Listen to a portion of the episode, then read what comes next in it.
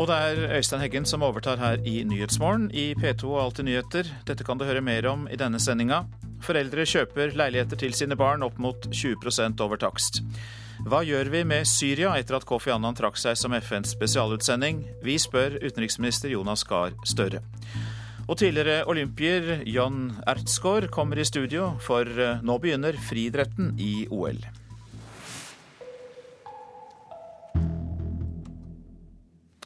Som vi hørte i Dagsnytt, de minste leilighetene i de største byene i Norge selges nå for opp mot 20 over takst.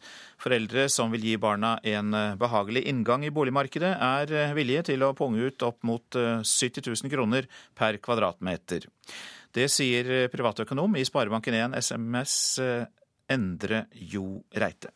Det er veldig bekymringsfullt, og det er uttrykk for, uttrykk for eh, noe i nærheten av desperasjon blant de foreldrene som, eh, som, eh, er på hybeljakt, eller som prøver å hjelpe unge med å kjøpe leilighet som et alternativ til hybel. Nå er mange villige til å betale 20 over takst for leiligheter på under 40 kvadratmeter i byer som Oslo og Trondheim, sånn at barna er sikra et sted å bo i studietida. Og boligjakta gir utslag i ekstrem prispressing på markedet. Her snakker vi om kvadratmeterpriser fra 55 000 og kanskje opp til 70 eh, 000 kroner på det verste. Lave renter og et knalltøft boligmarked får skylda for trenden. Og at visningene er populære, kan eiendomsmeglerfullmektig Kenneth Villassen i Aktiv eiendomsmegler bekrefte. Ja, Det blir jo for det første trangt, og det merker vi på folk òg. De, de, blir litt sånn gira. Mange får litt sånn der eh, hastverk og skal snu seg rundt og begynne å by med en gang. Nylig hadde Villassen en visning der en 44 kvadrats leilighet på Frogner i Oslo gikk for 3 millioner 500 000 over takst. Leder i Norges eiendomsmeglerforbund, Tormod Bollvik, har forståelse for at foreldrene ønsker å gi en hjelpende hånd. Hvis eh, boligen er eh, riktig, eh, hvis økonomien er til stede, hvis perspektivet er langsiktig, så skal ikke jeg kategorisk si at det ikke er fornuftig å gå 20 over takst. Men Bolvik jubla ikke uten videre over utviklinga, og ber foreldrene tenke seg nøye om.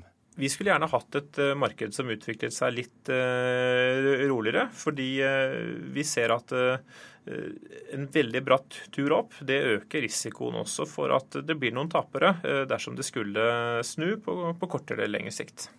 Og det er foreldrene som risikerer å bli de store taperne. Privatøkonom Endre Jo Reite i Sparebank1 advarer mot å hive seg inn i ville budrunder rett før skolestart, fordi situasjonen fort kan endre seg i studentalderen. Plutselig har man kjæreste, og de 19 kvadratmeterne er ikke noe særlig attraktivt å invitere en til å dele. Plutselig ender man opp med at man ikke ønsker å fortsette studiet, og slike ting kan da gjøre at man må realisere leiligheten fort, og man kan ende opp med betydelige tap. Et tap som kan bli på flere hundre tusen, ifølge Reite. Også Tormod Bollvik i Norges eiendomsmeglerforbund advarer ivrige foreldre mot å la seg rive med i boligmarkedet. Jeg tror man skal være klar over at hvis man hiver seg med på en budrunde i dag som ender 20% over takst, så er det ingen eh, selvfølge at man får igjen de pengene dersom boligen skal selges til neste år. Og Det er derfor vi er opptatt av dette lange perspektivet. Mer om dette på nrk.no. Reportere Ole Marius Rørstad, Elida Høek og Katrine Hammerstad. Nå har vi med oss eh, Bjørn Erik Øie, analytiker ved Prognosesenteret. Og eh, hva syns du om at foreldre kjøper eh, dyre leiligheter til sine håpefulle? Ja, Det er jo fritt valg, da. Så, så, men du går på Og det er slik at foreldre alltid har hjulpet barna sine inn på markedet i større eller mindre grad. Men det er jo slik at det har skjedd endringer ved at det er blitt terskelen for å komme inn er blitt stadig høyere. Og Alt henger jo sammen. og det, jeg skal si Dette er også et eksempel på at det koker i, i markedet. og, og folk, Foreldre føler seg nå i større grad tvunget til å hjelpe, hjelpe, de unge. Og Kombinasjonen av si, unge håpefulle og, og naive foreldre med investorbiler, den er ikke helt god. Hvordan bedømmer du eh, fortjeneste eller tap på eh, å kjøpe leiligheter til en så høy kostnad? Poenget er jo at i dag så har meglere og aktører i boligmarkedet veldig gode verktøy for å kunne stipulere riktig, altså så langt som det er mulig, riktig markedspris på et gitt tidspunkt. Eh, jeg pleier å si at eh, Går det priser utover 10 så, så, så skal man i hvert fall tenke seg godt om en gang til. Her snakker vi om prisbilder som ligger 20, over 20% over stipulert markedspris. Og Det betyr at man egentlig forutsetter en, en like kraftig prisvekst som vi har hatt de to siste årene, enda to år til, før det er i nærheten av å kunne skal vi si, ta en gevinst. Og det er klart, Dette scenarioet er veldig risikabelt, og, og, og, det er ingen prognoser som går i retning av pluss 10% hvert år i to år til. Så, så da snakker vi om tre til fire år før det hele tatt kan ta en gevinst på dette. her, Og selvfølgelig får det andre eh, retninger på, på økonomien, så, så blir tapene fortsatt veldig store. En risiko der. Hvordan er vi havnet i denne situasjonen, tror du? Ja, Ting henger jo sammen. Da. Det er jo ikke slik at, eh, at I det virkelige liv så henger ting sammen. I politikken så, så kan man jo vedta enkelthendelser som tilsynelatende kan virke for seg selv. Og Det viktigste som er, er at det koker på boligmarkedet. Så Dette er jo en, en, en resultat av flere års lav boligproduksjon. Befolkningsvekst, sentralisering, god økonomi osv. Og I tillegg så har det ikke vært noen satsing på studentbolig. Og så har vi et regelverk som er ekstremt gunstige for, leie, eh, for, for eiere og utleiere. På toppen av dette her så, så, har vi fått et skjerpet egenkapitalkrav som kom fra Finanstilsynet i, i fjor, som har gjort det nesten uoverstigelig å komme inn som førstegangskjøper for en del grupper. og Det betyr at eh, man strekker seg da, man, man, er avhengig av å få hjelp fra, fra foreldre. Takk skal du ha, Bjørn Erik Øie fra Prognosesenteret, som altså kommenterte det at foreldre kjøper leiligheter, dyre leiligheter opp til 70 000 kroner kvadratmeteren for å sikre bolig til sine barn. FNs avgåtte spesialutsending til Syria, Kofi Annan, oppfordrer i et avisinnlegg i dag president Obama og Putin om å ta felles ansvar for å skrinlegge uenighetene og finne en løsning i Syria. Annan trakk seg i går fra sitt verv, og avgangen ble møtt med beklagelse verden over. Avgangen til FNs spesialutsending Kofi Annan er møtt med beklagelse verden over, inkludert Syria og Russland. Sikkerhetsrådet klarte sent i går kveld ikke å bli enige om noe nytt diplomatisk spor etter at Annan kastet kortene. Motsetningene synes like steile, og Russlands FN-ambassadør Vitalik Tsjorkin mener toneangivende vestlige land må bære skylden for Annans mislykkede plan, fordi de har gitt militær støtte til opprørerne i Syria. One of the reasons uh, that uh, Mr. Annan's efforts uh, uh, have encountered so many difficulties is that uh, uh, his appeal for no further militarization of the conflict, uh, which he uh, started out with as he uh, came in first here to New York, was not really heeded by uh, a number of influential members of the international community. Storbritannias statsminister David Cameron erkjenner at Annans sekspunktsplan ikke fungerte. Etter Annans avgang fastholder han at det bare er én vei videre en ny FN-resolusjon som legger press på de syriske makthaverne. Uh, Annan plan, uh, he's worked very hard at it, but it hasn't worked. We need to, I think what we need to do is actually ramp things up. We need to pass resolutions at the United Nations to put further pressure on Syria. I want to see them under so-called Chapter 7. Samtidig er det oppstått åpen splid om FNs observatører i Syria skal forlenges eller ikke. Frankrike uttalte i natt at styrken bør avvikles om drøye to uker som planlagt, og høstet umiddelbart kritikk fra Russland for å erklære observatørstyrken for død. Sjefen for FNs fredsbevarende operasjoner, Ørve Ladzos, sa etter Sikkerhetsrådets møte i går kveld at FN kommer til å fortsette å ha et nærvær i Syria.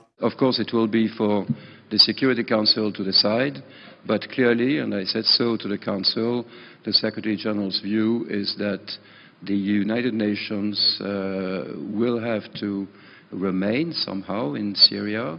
I et innlegg i dagens Financial Times ber Kofi Annan USA og Russland ta felles ansvar for å skrinlegge uenigheten om Syria og jobbe sammen for en løsning på krisen. Syria kan fortsatt reddes fra den aller verste katastrofe, men det forutsetter mot og lederskap fra alle faste medlemmer av Sikkerhetsrådet, inkludert president Obama Putin, skriver Annan. Senere i dag skal FNs hovedforsamling diskutere Sikkerhetsrådets håndtering av Syriakrisen. Ingen tror at det møtet ender med enighet og felles holdning. Jon Gelius, Washington. Utenriksminister Jonas Gahr Støre, god morgen. God morgen, ja. Hva er din reaksjon på at Kofi Annan kastet inn håndkleet? Nei, vi beklager det, fordi Kofi Annan er en av verdens dyktigste diplomater som har satt på den jobben. Men jeg har også forståelse for det. Og jeg uh, syns det siste sitatet vi hørte Gelius uh, trakk her, nemlig at uh, han nå skyver ansvaret tilbake til Sikkerhetsrådet, er helt rimelig. Han fikk eh, et mandat, han fikk en mulighet. Han la fram den eneste realistiske planen som har vært eh, for en fredelig utvikling i Syria. Den har partene på bakken ikke fulgt, og Sikkerhetsrådet er splittet. Da er det ikke veldig mye mer han kan gjøre. Og egentlig er det ansvarlig da, å si at da får de som har ansvaret, partene og Sikkerhetsrådet, ta det ansvaret. Han kan ikke sitte der og være en form for unnskyldning for at ikke det går eh, som det skal i Syria. Han etterlyste mot og lederskap fra USA og Russland. Hva bør de maktene gjøre? De er jo faste medlemmer av Sikkerhetsrådet. Noen ganger så kjefter vi på Sikkerhetsrådet, men rådet er jo bare betegnelsen på de landene som sitter inni. Og de faste medlemmene av Sikkerhetsrådet som kan legge ned veto, som Russland og Kina her har gjort, de har et særlig ansvar. For konsekvensen av et veto er jo at veldig lite skjer. Så jeg mener eh, Kofi Annans oppfordring her er riktig, at særlig USA og Russland må strekke seg for å finne felles grunn og ta ansvar. Syria er i ferd med å bli nå et land hvor Eh, stormakter og andre spiller eh, frem sine egne interesser. Og det ikke alltid bare handler om Syria, men også om en hel region, innflytelse og makt i den regionen. Og det går jo veldig utover de sivile i Syria. En arena for stormaktsspill? Det har jo, Ordet har blitt brukt. Og slik er det jo med veldig mange konflikter i verden. At når det først utvikler seg, enten det er Afghanistan, mange konflikter i Midtøsten og nå Syria, så skjer det. Men, eh, og det er ikke unaturlig i en verden hvor veldig mye henger sammen. Og mange av de konfliktene vi ser rundt Syria, de er jo århundre gamle. Og det urovekkende nå er at mye av den kjempingen som skjer internt i Syria, handler om folkegrupper, etnisitet, religion, klaner, som ikke slutter ved grensen av Syria, men kan gå over i nabolandene Tyrkia, eh, Libanon, Jordan, inn mot Irak osv. Hvis det tenner, så er det jo eh, veldig, veldig alvorlig. og Derfor så er det en del av historien at stormaktene og andre naboer eh, ivaretar sine interesser, spiller sine spill. Eh, men i summen for dette ligger Syria, og uh, som Kofi Annan sier, hvis det varer veldig mye lengre, så kan man kanskje ikke unngå det aller verste, nemlig en full og dramatisk borgerkrig som vi egentlig allerede er på vei inn i. Internasjonal tilstedeværelse i Syria er jo viktig. Eh, nå sier den franske ambassadøren eh, til FN, Gerard Arrault, at eh, han tror denne observatørgruppen blir avviklet 19.8. Hvordan er din vurdering? Ja, Det er et veldig vanskelig spørsmål. fordi at Observatører de må jo da også ha et mandat, en viss sikkerhet og et handlingsrom for å kunne arbeide. Hvis ikke så blir de gjerne tatt til inntekt for den ene eller andre siden. Og det er vel noe av det problemet også Robert Mood hadde på slutten av sin eh, operasjon. Eh, så jeg mener det er veldig viktig å ha observatører til stede. Det er FN veldig godt plassert til å gjøre. Eh, men de må også ha rammene for å gjøre det. Og hvis det diplomatiske og politiske rammene for det ikke er der, så, så er det fryktelig krevende. Men her har man ennå to-tre uker igjen for å prøve å finne betingelser for det. Og det er vel sannsynlig at det kommer en etterfølger for Kofi Annan. Og det er vel også for å håpe at de faste medlemmene av Sikkerhetsrådet gir vedkommende eh, noe å arbeide med. Det må vi iallfall håpe, selv om kanskje ikke det ser så lyst ut. Hva kan eh, små land som Norge gjøre i dette spillet? Det vi er erfarne på, er jo det humanitære. Og der er jo Norge blant de som nå er ledende i hva vi bidrar med. Og det forsøker vi å gjøre på best mulig måte. Eh, det handler om å hjelpe flyktninger utenfor Syria, og det handler om å forsøke å få hjelp inn i Syria. Det er ikke lett, men det er ikke umulig heller, for det er organisasjoner som kan få til det. Og så er det å være en stemme opp mot de som sitter i Sikkerhetsrådet, og særlig de faste medlemmene. Minne dem på det ansvaret de har, eh, og eh, i den grad vi har det, forsøke å komme med ideer og forslag. Og vi, vi har iallfall gode nettverk i Midtøsten til at vi kan gjøre oss opp vår egen mening, og vi har gode kanaler til å kunne formidle dem til disse landene. Mange takk for at du kom til Nyhetsmorgen, utenriksminister eh, Jonas Gahr Støre. Ja, det er Nyhetsmorgen du eh, lytter til, og klokka den er straks 7.17. Dette er eh, hovedsakene i denne sendingen. Kofi Annan ga altså opp å finne en fredelig løsning for Syria. Nå mener han USA og Russland må ta ansvar. De minste leilighetene går for 20 over takst. Foreldre som kjøper til barna, får skylda. Og snart skal vi høre at arabiske avistegnere risikerer livet i Midtøsten.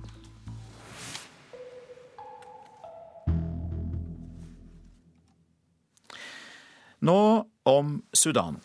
There are still too many Africans living under autocratic rulers who care more about preserving their grip on power than promoting the welfare of their citizens. Violent extremism transnational crime, and rampant corruption all threaten democracy. Voldelig ekstremisme, internasjonal kriminalitet, korrupsjon og for mange eneveldige herskere preger det afrikanske kontinentet, mener den amerikanske utenriksministeren Hillary Clinton, som eh, er på en elleve dagers rundreise i Afrika. Hun er eh, i Sør-Sudans hovedstad Juba for å understreke USAs sterke støtte til den nye nasjonen. Og Afrikakorrespondent Lars Sigurd Sunnanå, hva er Clintons budskap? Nei, det er som du sier, hovedbudskapet er at den nye nasjonen fortsatt har USAs fulle og sterke støtte. Men i Juba vil hun også uttrykke sin bekymring over den manglende fremdriften i forhandlingene mellom Sør-Sudan og Sudan om bl.a. grensedragninger og fordeling av oljeinntekter. Og det er forhandlinger som eh, ikke beveger seg? Nei, de gjør nesten ikke det. Da Clinton startet rundreisen sin i Dakar i Senegal i forgårs, ringte hun Sudans utenriksminister Ali Karti for å forklare til hvorfor forhandlingene har nærmest kjørt seg fast. Sikkerhetsrådet i FN ga jo partene en frist til i går med å bli enige. Men i telefonsamtalen med Clinton forklarte Alicarte at så lenge Sør-Sudan støtter opprørsbevegelser i de sudanske delstaten Darfur, Sør-Kordofan og Blånilen med våpen og andre forsyninger, er det ikke mulig for regimet i Khartoum å forhandle om andre spørsmål. Sør-Sudan benekter selvsagt at landet gir våpenhjelp til opprørerne inne i Sudan, men mye kan nok tyde på at Khartoums anklager ikke er helt grunnløse. Og Hvilke virkninger har det at disse forhandlingene trekker i langdrag? Altså Hvor eh, alvorlig vurderer man det? Det er ille for begge landene at eh, det ikke lenger produseres olje i Sør-Sudan. Eh, landet har nå nesten ikke statsinntekter etter at oljekranene ble skrudd til for vel et halvt år siden som et ledd i striden med nabolandet i nord. Men det er altså verst i sør. Det kan virke som regimet i nord, i Khartoum, bevisst prøver å knekke økonomien og statsbyggingen i Sør-Sudan ved å hale ut en forhandlingsløsning så lenge som mulig. Takk skal du ha, Lars Sigurd Sunnanå, vår Afrika-korrespondent. Så skal vi si noen ord om hva avisene skriver i dag. Fjordmann er tilbake, skriver Vårt Land. Et år etter blomsterhavet utenfor Domkirken i Oslo er Peter Jensen fullt tilbake som blogger. Nå er det hardere toner fra det høyreekstreme, sier eh, Shoyab Sultan i Antirasistisk Senter. Selskapsboom i kommunene er Klassekampens oppslag. Det er blitt flere interkommunale selskaper, og makten flyttes ut av kommunestyrene. Det er nesten bare rådmenn og ordførere som har innsyn i hva de interkommunale selskapene driver med, sier stortingsrepresentant Trond Helleland fra Høyre. Fretex-banden gikk rett i fellen, kan vi lese i Bergensavisen, etter tyverier fra flere av Frelsesarmeens konteinere i bergensområdet, sydde etterforskere inn en GPS-sender i et av plaggene. Satellittsporingen førte politiet hjem til en litauer i 30-årene, der det var oppbevart store mengder brukte klær. Fanget i eget hjem, skriver Stavanger Aftenblad om Peter Canning, som har multiple sklerose, om å krype mellom etasjene i boligen sin. Canning har ingen hjelpemidler, og først da han brakk foten, fikk den MS-rammede tilbud om å komme på venteliste for omsorgsbolig. Euroteam, som solgte ubrukelige OL-billetter, er nå kastet ut av lokalene sine i Oslo, skriver Dagens Næringsliv. Selskapet har ikke betalt husleie på to måneder.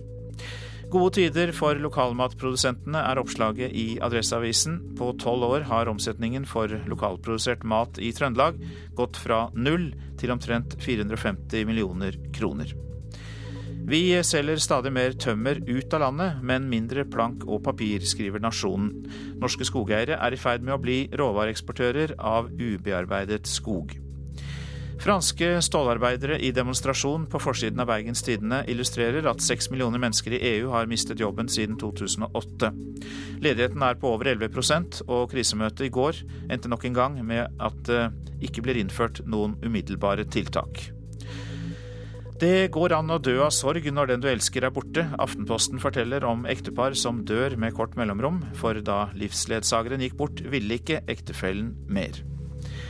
Tips for å fjerne feriefettet og kjendisenes beste slankeråd, ja det er stikkord fra forsidene til Dagbladet og VG.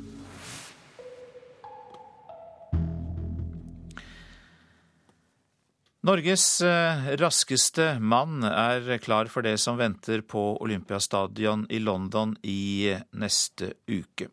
Yaisuma Sadi Ndure har ikke konkurrert siden EM i juni, men mener alle signaler fra treningen peker i retning av at han kommer til å løpe fort.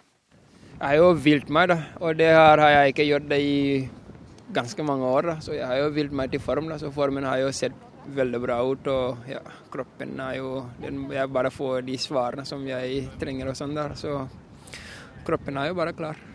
Hva sier trenerne om det de ser av eh, det du gjør på trening? Uh, de syns at uh, jeg har aldri sett som jeg gjør det, i hvert fall på trening og sånn. De har ikke sett meg uh, bli så fin og så klar og sånn. Der, så det er noe positivt. Olympisk eh, deltaker Ndure til reporter Bengt Eigil Ruud. Og vi har en annen olympier i eh, studio, Jan Ertsgaard. Velkommen. Takk for det. Ja, nå har jo de olympiske leker pågått en ukes tid. Men eh, nå er det da slik at eh, friidretten begynner. og Er det sånn for deg at eh, OL ikke begynner på ordentlig før friidretten er i gang? Ja, det er noe der. friidretten har en stor plass i de olympiske leker. men men uh, det har jo vært gøy med både sølvmedalje i, i uh, fekting og, så, og, håndball som har pågått. Men friidretten har en stor plass i mitt hjerte, i hvert fall. Hva tror du om Jays uh, sjanser? Jeg tror Jays har størst sjanser på 200 meter. han ble nummer fire i fjor i VM, og hvis han klarer å komme seg til en finale i år på 200 meter, så tror jeg han kan gjøre det veldig bra. Vi som ikke er så raske til beins, eh, lurer på dette han sier om å nærmest hvile seg etter form. Hva ligger i det? Dette kan vel du noe om?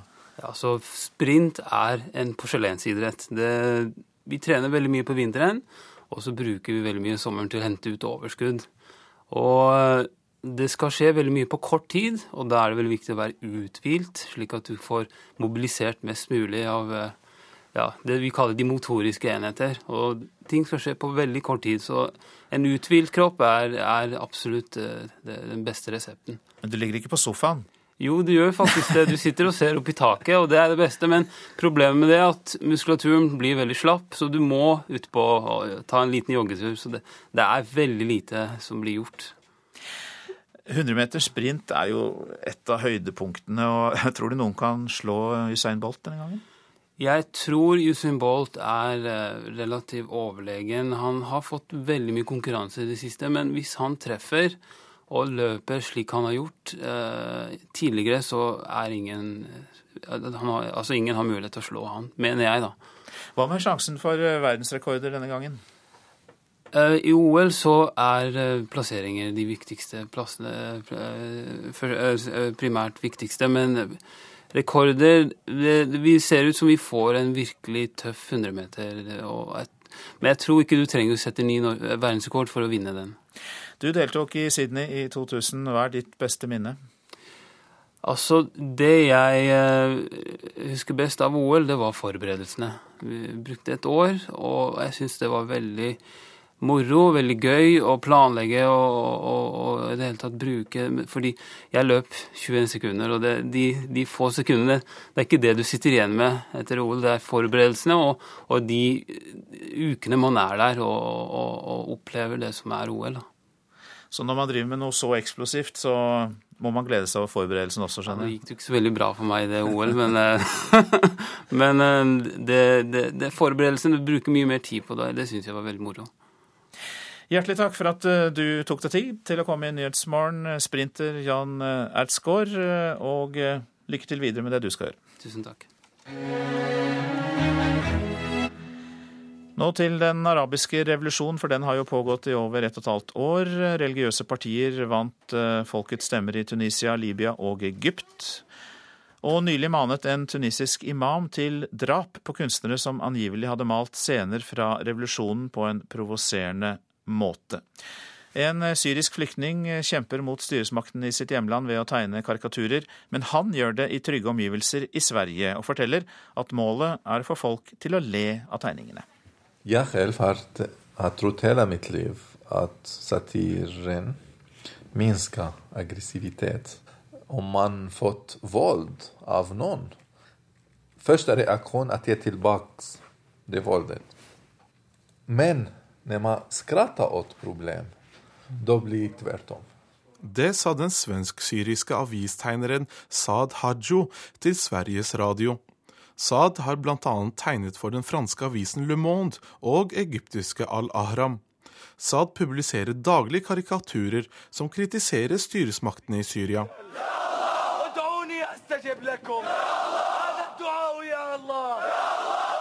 Syriske demonstranter protesterte flere steder i landet etter at byen Tremse ble bombet av syriske tropper.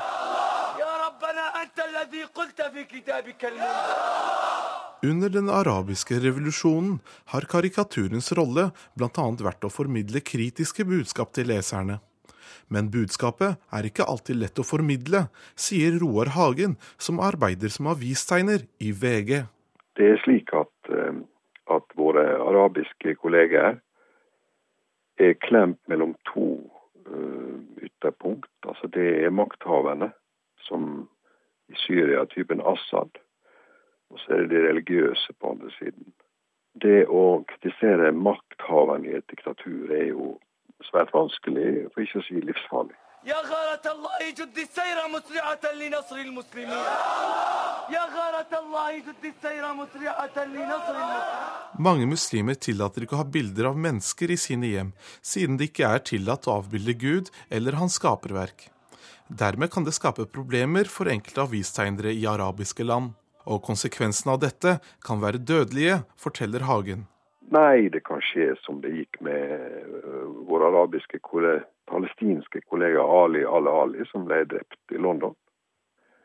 Du kan bli arrestert. Det kan også med Ali Farshad at du får knekt uh, hendene, ødelagt hendene dine. Fordi at han uh, angriper Assad, Assad-presidenten osv. Eller du kan havne i fengsel, eller det kan skje andre ting. Du kan bli drept. Reporter her, det var Fouad Acharki. Prosent for Nyhetsmorgen, det er Jean Erik Bjørnskaug. Her i studio, Øystein Heggen. Og etter Dagsnytt så kan vi fortelle at eh, temaet er eh, omstridt boring etter olje i det naturfølsomme Alaska.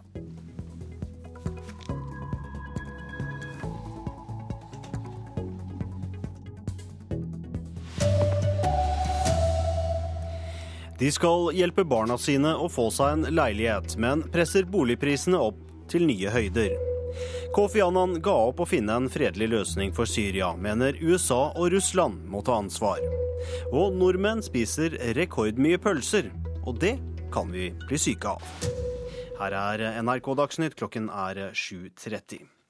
Ja, De minste leilighetene i de største byene i Norge selges nå for opp mot 20% over takst. Foreldre som vil gi barna en lettere inngang i boligmarkedet, er villige til å punge ut opp mot 70 000 kroner per kvadratmeter. Det sier privatøkonom i Sparebank1 Endre Jo Reite.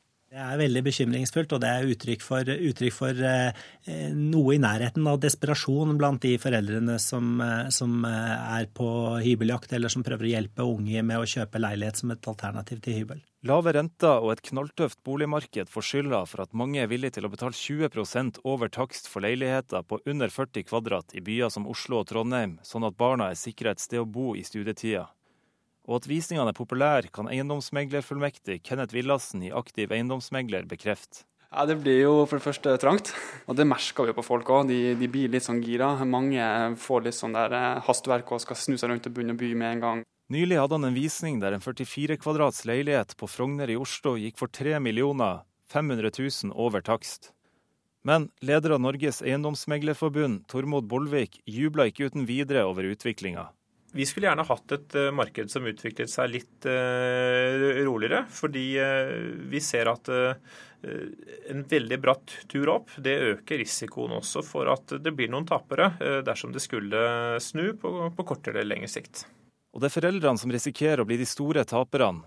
Endre Jo Reite i Sparebank1 advarer mot å hive seg inn i ville budrunder rett før skolestart, fordi situasjonen fort kan endre seg i studentalderen. Plutselig har man kjæreste, og de 19 kvadratmeterne er ikke noe særlig attraktivt å invitere en til å dele. Plutselig ender man opp med at man ikke ønsker å fortsette studiet, og slike ting kan da gjøre at man må realisere leiligheten fort, og man kan ende opp med betydelige tap.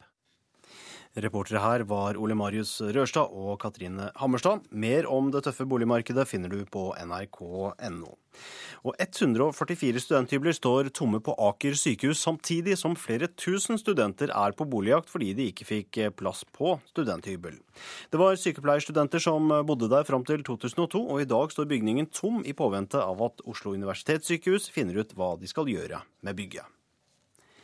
Det er USA og Russland sammen som må ta ansvar for å finne en løsning på krigen i Syria. Det skriver FNs avgåtte spesialutsending til Syria, Kofi Annan, i et avisinnlegg i dag. I går ga Annan opp å finne en løsning på borgerkrigen i Syria. Avgangen ble møtt med beklagelse verden over.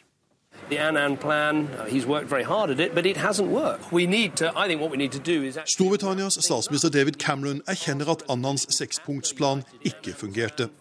Etter Annans avgang fastholder han at det bare er én vei videre. En ny FN-resolusjon som legger press på de syriske makthaverne. Samtidig er det oppstått åpen splid om FNs observatører i Syria skal forlenges eller ikke. Frankrike uttalte i natt at styrken bør avvikles om drøye to uker som planlagt, og høstet umiddelbart kritikk fra Russland for å erklære observatørstyrken for død. I et innlegg i dagens Financial Times ber Kofi Annan USA og Russland ta felles ansvar for å skrinlegge uenigheten om Syria og jobbe sammen for en løsning på krisen. Syria kan fortsatt reddes fra den aller verste katastrofe, men det forutsetter mot og lederskap fra alle faste medlemmer av Sikkerhetsrådet, inkludert president Obama Putin, skriver Annan. Senere i dag skal FNs hovedforsamling diskutere Sikkerhetsrådets håndtering av Syriakrisen. Ingen tror at det møtet ender med enighet og felles holdning. Jon Gelius, Washington. Og Utenriksminister Jonas Gahr Støre mener det er helt rimelig at Kofi Annan nå skyver ansvaret tilbake til Sikkerhetsrådet. FNs spesialutsending trakk seg i går, fordi han mener verden altså ikke gjør nok for fredsarbeidet i Syria. Han fikk eh, et mandat, han fikk en mulighet. Han la fram den eneste realistiske planen som har vært eh, for en fredelig utvikling i Syria. Den har partene på bakken ikke fulgt, og Sikkerhetsrådet er splittet. Da er det ikke veldig mye mer han kan gjøre. Og egentlig er det ansvarlig da, å si at da får de som har ansvaret, partene og Sikkerhetsrådet, ta det ansvaret. Han kan ikke sitte der og være en form for unnskyldning for at ikke det går eh, som det skal i Syria sa Jonas Gahr Støre. Regjeringen er langt unna sitt eget mål om å satse mer på forskning. De to siste årene har opptrappingen stoppet opp. Direktøren for Forskningsrådet, Arvid Hallén, ber regjeringen investere 1 milliard kroner mer i forskning neste år for å komme i gang. Vi har hatt en god vekst gjennom det siste tiåret til offentlige midler til forskning. Men de to siste årene så har vi ikke økt forskningsvolumet. Og nå vil du ha en milliard kroner mer. Hvorfor det? Sett i forhold til verdiskapningen i norsk økonomi, så bruker vi mindre relativt enn andre land. Og vi burde bruke like mye relativt, fordi vi har spesielt store muligheter til å angripe de utfordringene som eh, vi både i Norge, men også ikke minst globalt står overfor. Jeg er helt enig med Hallem. Sier kunnskapsminister Kristin Halvorsen. Men til tross for regjeringens mål om å bruke enda mer penger på forskning, det har vært nullvekst i to budsjettår, hvis en regner med lønns- og prisstigning. Jeg kommer uansett hvilket år det er til å argumentere for at forskningsinnsatsen eh, skal øke. Men når vi vurderes ut fra hvor høyt vi har prioritert dette over tid, så må man se eh, tilbake til 2005. Administrerende direktør Arvid Hallén i Forskningsrådet mener han har løsningen for fremtiden. Og Mitt ønske det er at de mål som er satt, faktisk nå blir tatt på alvor. 1 eh, av BNP eh, i offentlig forskningsinnsats. Og reporter, det var Hedvig Bjørgum. Nordmenn har aldri spist så mye pølser som nå. Salget har ifølge Nortura gått opp med 10% i år, og nå spiser hver nordmenn 10 kilo i året. Ekspertene frykter at all pølsespisingen skal ødelegge helsa vår, mens eh, de som selger pølser, håper at vi skal spise enda mer. Det er da grillpølse og løkpølse og ostepølse med bacon og hamburgergrill. Innehaver Gunn Sørgulen Jå Narvesen på Nordfjordeid kan lett se hvor glade nordmenn er i pølser. På enkelte dager kan det gå over 100 pølser fra grillen bare i denne kiosken. Vi har jo hele tida pølser på kampanje. For aldri før har nordmenn spist så mye pølser som nå. Tall fra Nortura viser en økning på 10 bare i år. De siste ti åra er økningen på 25 Ifølge slakterigiganten et hver og en av oss i gjennomsnitt hele ti kilo med pølser i året. Det sier visekonsernsjef Arne Christian Kolberg. Vi ser flere anledninger hvor vi spiser pølser. Det er både til lunsj og til middag, til kveldskos, det er i farta. Men slike mengder med pølser gjør ekspertene svært uroa. Nestleder i Statens råd for ernæring og forsker i Fafo, Liv Elin Thorheim, mener vi kan ete oss syke. Dette er jo tall som er veldig urovekkende. Bearbeida kjøtt øker risikoen for å få kreft i tarmen. I tillegg så inneholder pølser veldig mye salt, og det er ikke bra. Men kjøttbransjen tror at nordmenns interesse for pølser bare vil vokse. På kvalitetspølser så er det en betydelig høy kjøttandel. Klarer vi å ha fokus på dette videre, så tror jeg vi kommer til å se en eh, fortsatt positiv og hyggelig vekst. Men Statens råd for ernæring mener ti kilo i året allerede er altfor mye. Det er jo synd at eh, kjøttprodusenter har det som mål, da, når vi vet at det ikke er spesielt sunt. Reporter Asgeir Reksnes. Forskere har funnet bevis for at det vokste palmetrær på Sørpolen for millioner av år siden. Studier viser at for 53 millioner år siden hadde Antarktis sommertemperatur helt opp i 25 grader, melder BBC. Jobben med å hjelpe Katrine Lunde Haraldsen med å få tilbake selvtilliten er for øyeblikket den viktigste for eh, håndballandslagets keepertrener Mats Olsson. Han mener det hele er et spørsmål om timing, og at eh, Norges siste skanse skal få spille seg tilbake til toppnivået sitt. Ja, det er jo den store problemet for keeper mange ganger. Jeg har sagt at alle keepere eh, i verden, de beste og de verste, får svakker. Og det beror oftest på selvtilliten, at man börjar fundere på at gjør jeg det rett, gjør jeg det feil. Så at det som gjelder her å jobbe, det är bare at Katrine, i det her fallet, som er kanskje det som ligger litt efter i självtilliten får til det på en kamp. At de får ta två, tre bollar i rad og kjenne at her er rett. Det är, bara, det er en fråga om timing. Selv er Lunde Haraldsen ganske kortfattet om temaet. Jeg føler jeg har god, god følelse i kroppen, så det blir spennende. Ja, det blir det. Per i dag er hun ikke noe opplagt førstevalg for håndballkvinnene, men trenerapparatet jobber med å få henne tilbake dit. Det er der vi forsøker å hjelpe henne, og at hun får tid i målet. At hun får sjansen å, ta de her ballene som bare behøves. eller at hun, som vi jobber på treningene også, får jobbe på situasjoner der hun kjenner at hun kan skape seg selvtillit. Det er en spørsmål om timing, og den, den timingen kommer. Ja, og Reporter det var Bengt Eigil Ruud. Ansvarlig for Dagsnytt-sendingene denne morgenen er Gro Arneberg. Teknisk ansvarlig Espen Hansen. Jeg heter Arne Fossland.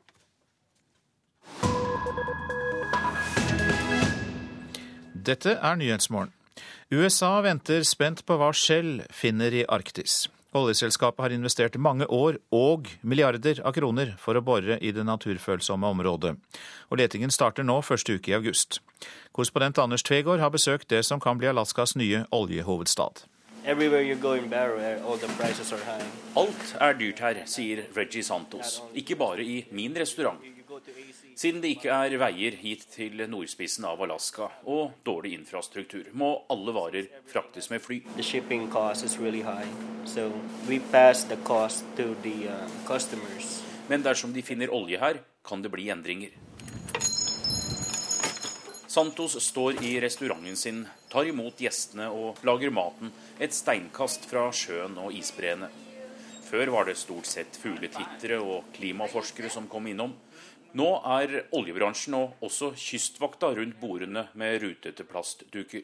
Really of, uh, you know, oil, uh, people. Det er stor etterspørsel. Et sted med oppsving, sier Santos. Han flyttet hit fra California for to år siden for å være med på de gode tidene. Shell leder an. Selskapet har brukt 25 milliarder kroner på sitt arktiske prosjekt, før de har pumpet opp en eneste dråpe olje fra den ukjente og urørte havbunnen utenfor Alaska. Lisenser, lobbying, forskning på dyrearter og miljømessige fotavtrykk. Det har vært stor skepsis til det nye kapitlet i USAs oljehistorie. Mange års kamp i rettsvesenet og byråkratiet er over. Letingen etter olje her i Arktis har fått grønt lys. Både miljøaktivister og oljebransjen har rettet blikket hit mot USAs nordligste samfunn i sommer. Mye står på spill. Drilling, like. Rosabel Snyder oppsummerer stemningen blant de eldre i Barrow. Den nå pensjonerte hvalfangeren sier at eskimoene her, inupiat-folket, frykter endringene som kan komme dersom dette blir Alaskas nye oljehovedstad. De er redd for at hele kulturen deres bygd rundt jakt og fiske blir ødelagt.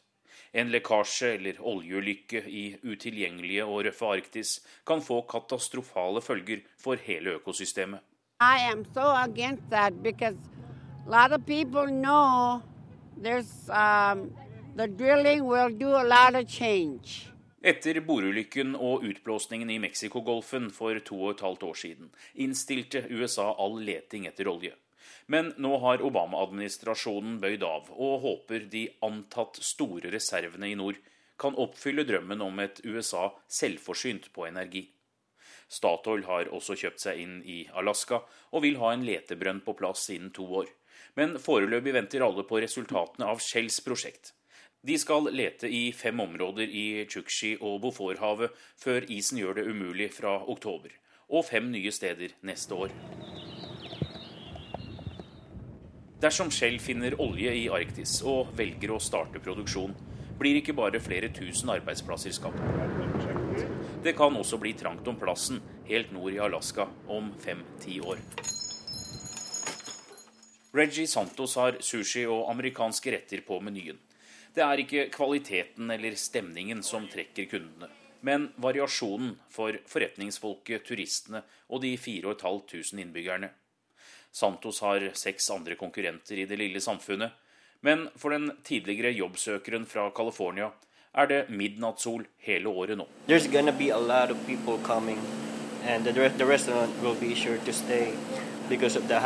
for, will Klokka den passerte nettopp 7.44. Dette er hovedsakene i Nyhetsmorgen. De minste leilighetene går 20 over takst. Foreldre som vil kjøpe bolig til barna, får skylda. Kofi Annan ga opp å finne en fredelig løsning for Syria. Utenriksminister Jonas Gahr Støre sa her i Nyhetsmorgen at det er helt rimelig at Kofi Annan nå skyver ansvaret tilbake til Sikkerhetsrådet. Og vi spiser mer pølse enn noen gang. Folkehelsa står i fare, får vi snart høre fra kostholdseksperter.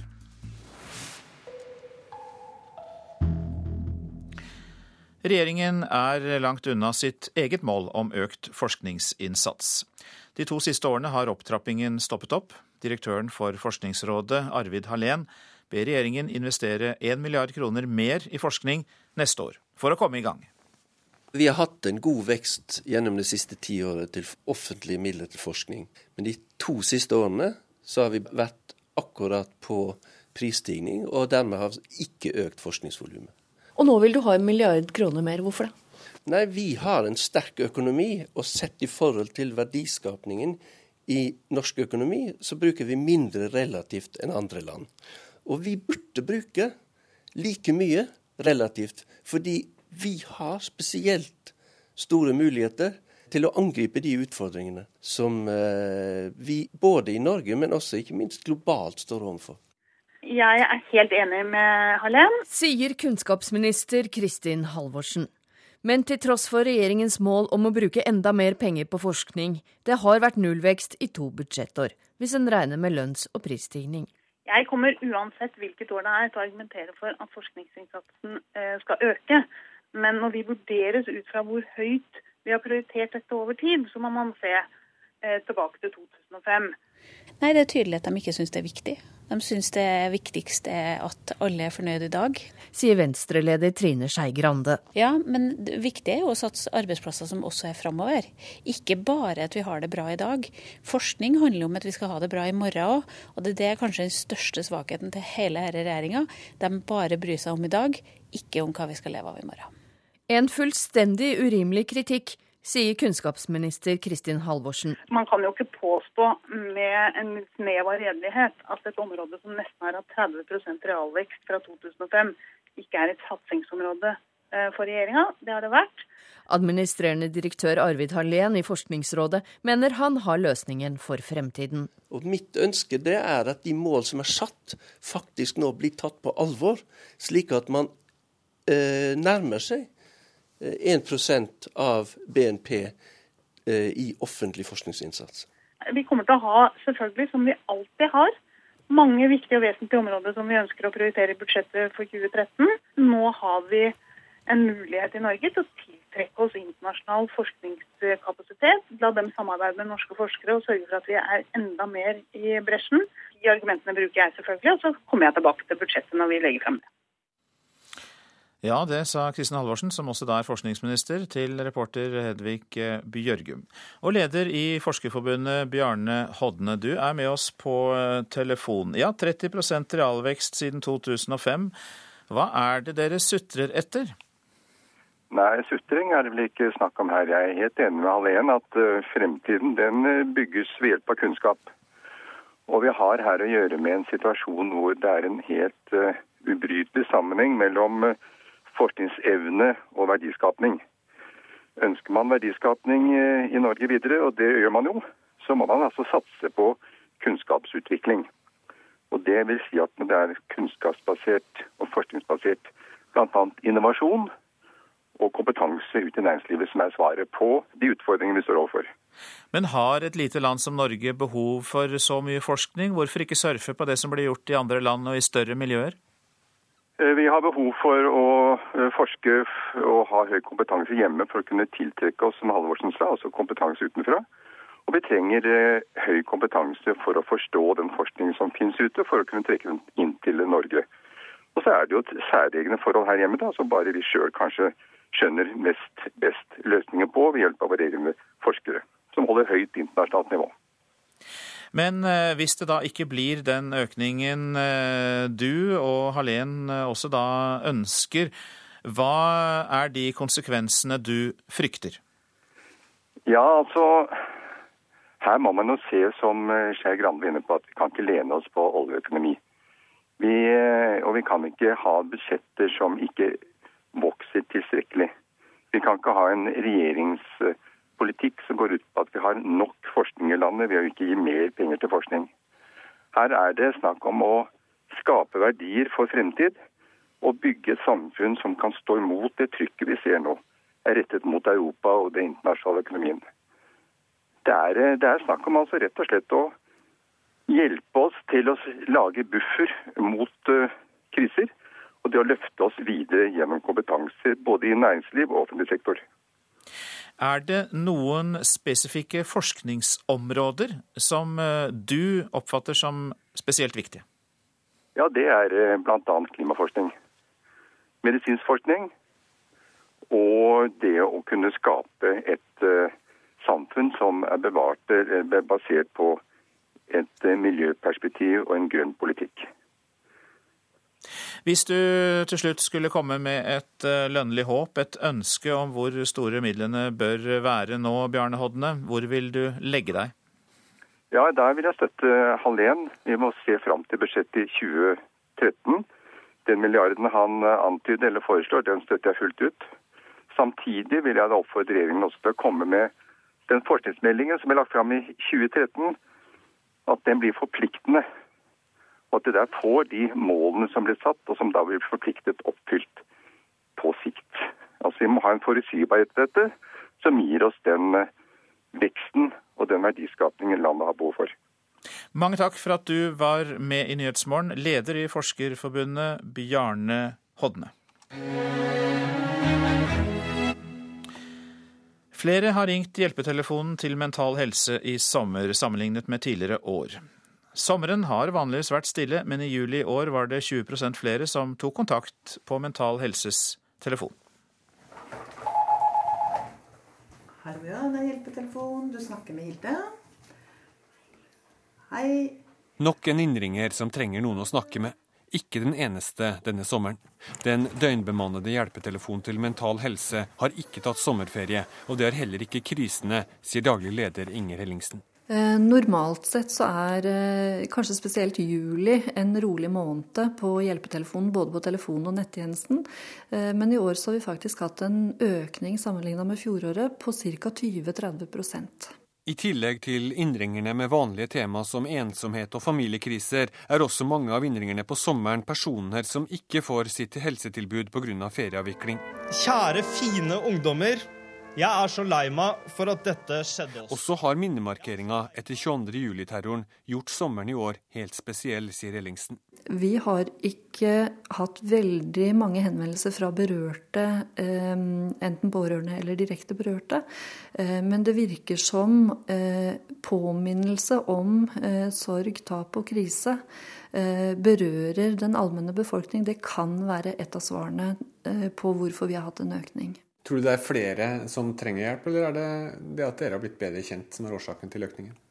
Det er helt umulig for oss å si noe om at det er flere som trenger hjelp. Eh, så eh, jeg tror nok heller på at det er en, eh, også i år en litt spesiell sommer og, og spesielt en spesiell juli. Jeg tror nok mer det handler om det. Reporter var Lorentz Berg. Aldri før har nordmenn spist så mye pølse. Salget har ifølge Nortura gått opp med 10% i år. Ekspertene frykter at all denne pølsespisinga kan bidra til å ødelegge folkehelsen, mens pølseselgerne håper på mer salg. Det er da grillpølse og løkpølse og ostepølse med bacon og hamburgergrill. Innehaver Gunn Sørgulen Jå Narvesen på Nordfjordeid kan lett se hvor glade nordmenn er i pølser. På enkelte dager kan det gå over 100 pølser fra grillen bare i denne kiosken. Det er desidert baconpølse og grillpølse det går mest av. Det er det. Vi har en eh, økning til nå i år på 34 Til finere vei det, til mer pølse selger vi. det. For aldri før har nordmenn spist så mye pølser som nå. Tall fra Nortura viser en økning på 10% bare i år. De siste ti åra er økningen på 25 Ifølge slakterigiganten et hver og en av oss i gjennomsnitt hele ti kilo med pølser i året. Det sier visekonsernsjef Arne Kristian Kolberg. Og det utgjør omtrent én pølse hver tredje dag. Eh, vi ser flere anledninger hvor vi spiser pølser. Det er både til lunsj og til middag, det er eh, til kveldskos, det er i farta. Men slike mengder med pølser gjør ekspertene svært uroa. Nestleder i Statens råd for ernæring og forsker i Fafo, Liv Elin Thorheim, mener vi kan ete oss syke. Ja, Dette er jo tall som er veldig urovekkende. Som eh, sikkert de fleste egentlig har på følelsen av, så er jo ikke pølser spesielt sunt. Bearbeida kjøtt øker risikoen for å få kreft i tarmen. Og det er en kreftform som er veldig vanlig i Norge, og det øker. I tillegg så inneholder pølser veldig mye salt, og det er ikke bra. Og så inneholder det mye mett av fett. Så det kan være greit en gang iblant, men det må ikke være den vanlige middagen. Men kjøttbransjen tror at nordmenns interesse for pølser bare vil vokse. Verdien av salget ligger nå ifølge Nortura på nesten 3 milliarder kroner i året. Ja, Vi forventer en fortsatt eh, positiv utvikling, og det har eh, mye sammenheng med at vi innoverer, kommer stadig med nyheter. En eh, liten kuriositet er jo en trend som vi har fanga opp og sett, hvor det stadig har kommet eh, pølseklubber. Eh, syklubber har jo en lang tradisjon i Norge, men pølseklubber har nok ikke den tradisjonen. Men det har kommet ganske mange nye.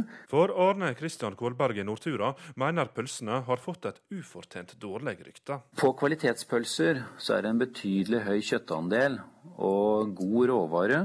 Og klarer vi å ha fokus på dette videre, så tror jeg vi kommer til å se en eh, fortsatt positiv og hyggelig vekst på pølsesalget framover. Men Statens råd for ernæring mener ti kilo i året allerede er altfor mye. Så det er jo synd at eh, kjøttprodusenter, fastfoodprodusenter har det som mål, da, at folk skal spise mest mulig pølser, når vi vet at det ikke er spesielt sunt.